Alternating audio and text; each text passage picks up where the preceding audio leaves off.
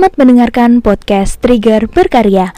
Podcast tempat ngobrolnya entrepreneur muda Yang tayang setiap hari Sabtu jam 9 pagi Hai Triggerners Kembali lagi sama kita, aku dengan Intan. Dan aku dengan Frima Wah seru banget nih.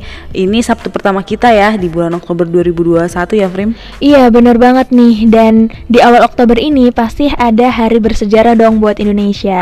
Apa tuh? Apalagi kalau bukan hari batik. Wah selamat hari batik ya Iya, buat semuanya selamat hari batik Semoga nih para pengrajin batik di seluruh Indonesia semakin kreatif, semakin inovatif menciptakan karya-karya batik yang makin keren, makin mendunia. Mm-mm, Amin. Iya nggak sih? Iya, setuju banget. Dan buat teman-teman semua nih yang masih muda, jangan lupa dan jangan malu untuk tetap mengenakan produk lokal, terutama produk batik nih. Iya, setuju sekali kakak. Karena kalau bukan kita sebagai anak muda yang melestarikan, siapa lagi kan ya? iya, iya, Bisa-bisa iya, nanti diakuin lagi sama negara lain. Wah jangan dong, Aduh. Jangan Mm-mm. dong. Itu kan karya kita dong. Iya, bener banget. Nah, by the way nih Frim, di episode 5 kita mau bahas tentang 9 kebiasaan entrepreneur muda saat mau memulai usaha.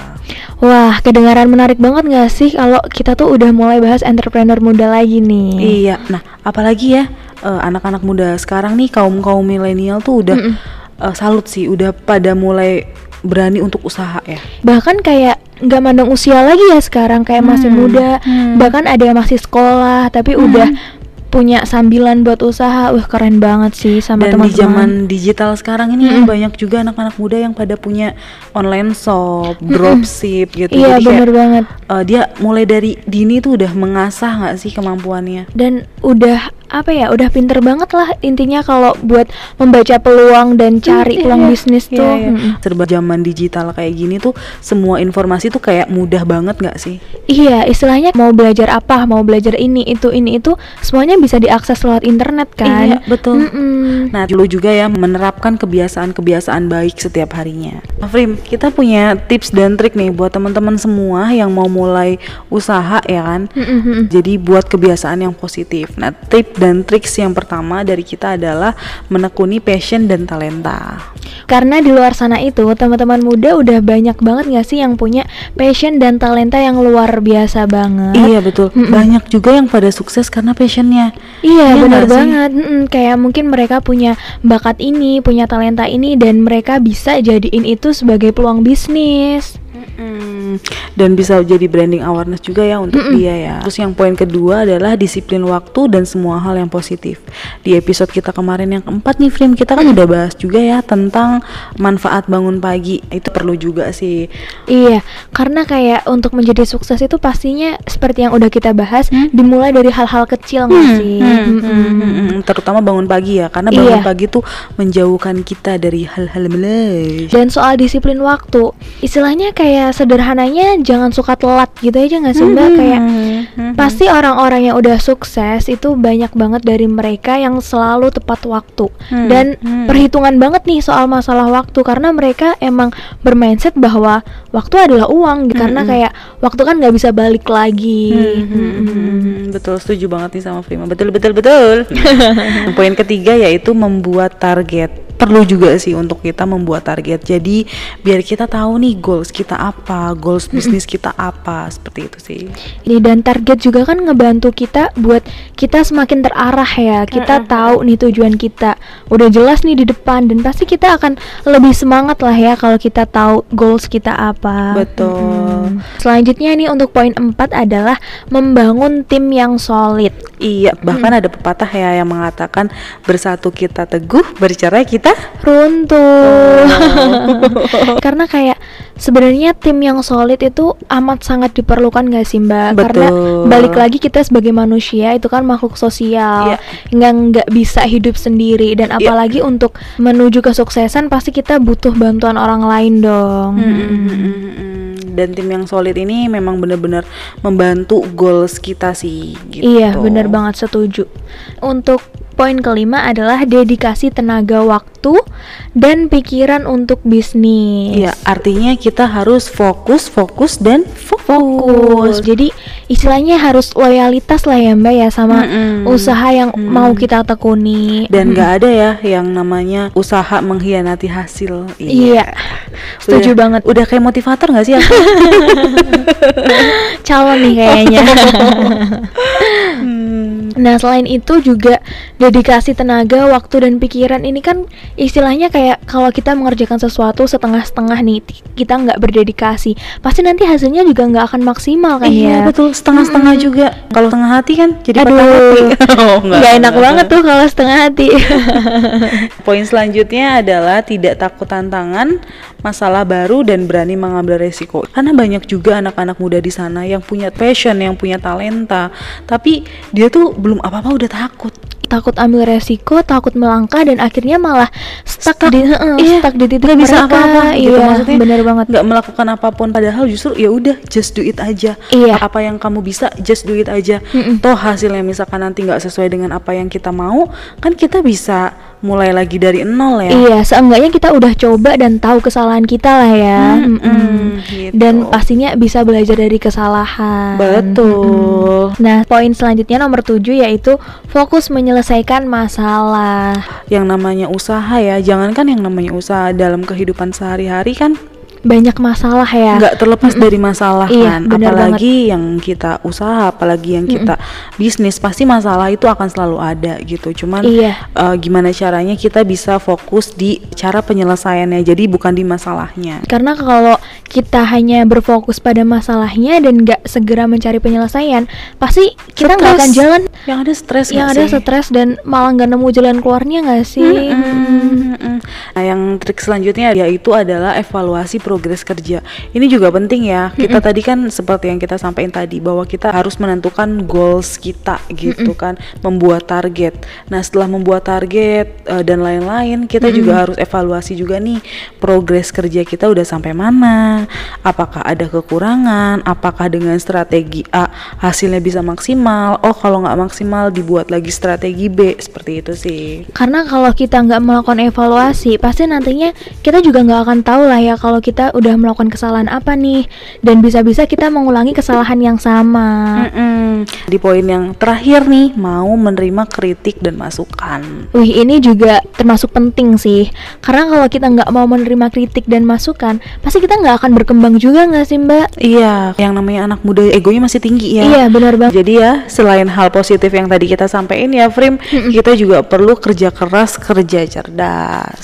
Setuju banget nih sama poin ini juga. Karena menurutku kalau kita cuman ngandelin dari kerja keras, cuman pakai otot tanpa kerja cerdas yang pakai otak, pasti nanti hasilnya kita bakalan capek sendiri nggak sih? Iya. Mm-mm, dan hasilnya juga pasti nggak akan maksimal. Iya, betul.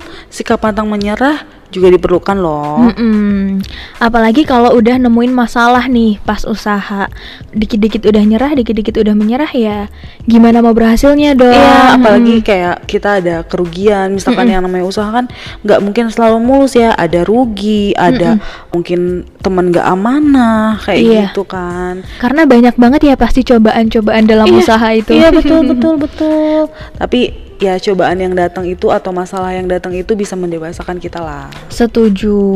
Membentuk pribadi pengusaha yang tangguh. Asik. Jadi pengusaha yang istilahnya nggak akan menyerah lah ya, walaupun udah nikmatin nggak cuman enaknya nih jadi pengusaha, tapi udah tahu gimana nggak enaknya, gimana jatuh bangunnya. Karena justru di di seninya usaha itu adalah ketika kita jatuh bangun, ketika kita bisa menyelesaikan masalah sih. Di di seninya adalah itu. Maksudnya ketika jatuh bangun tuh kita ke trigger apa nih?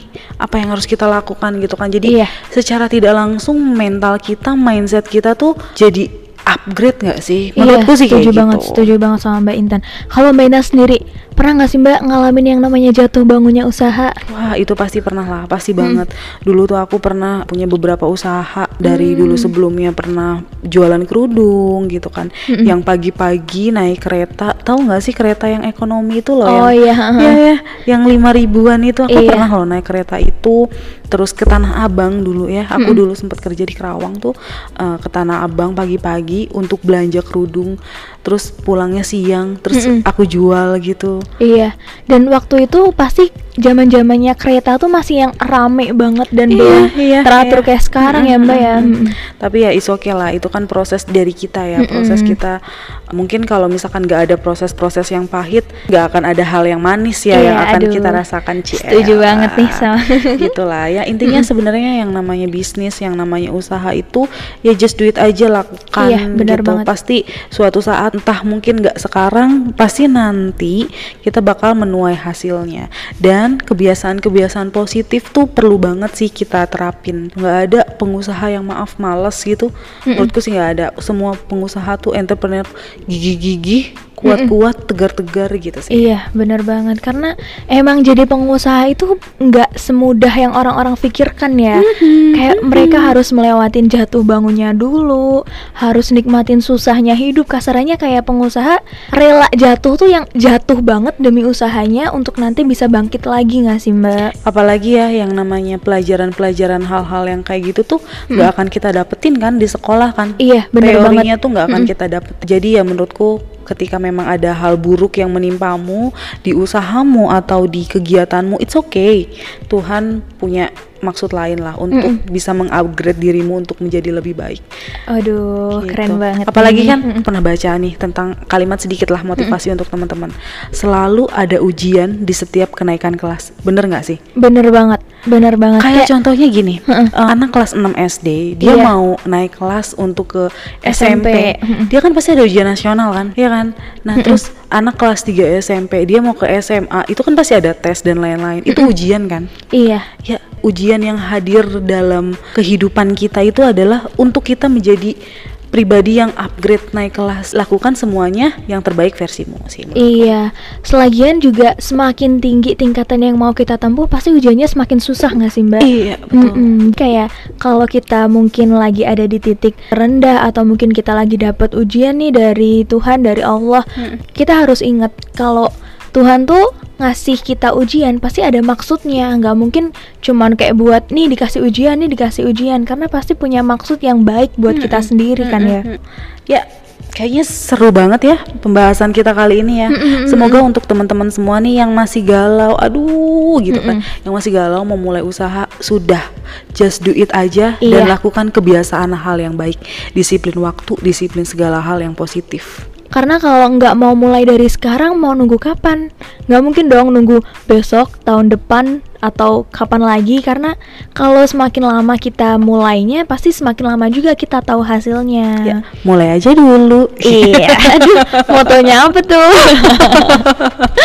Kayaknya segitu aja dulu ya pembahasan untuk kita kali ini.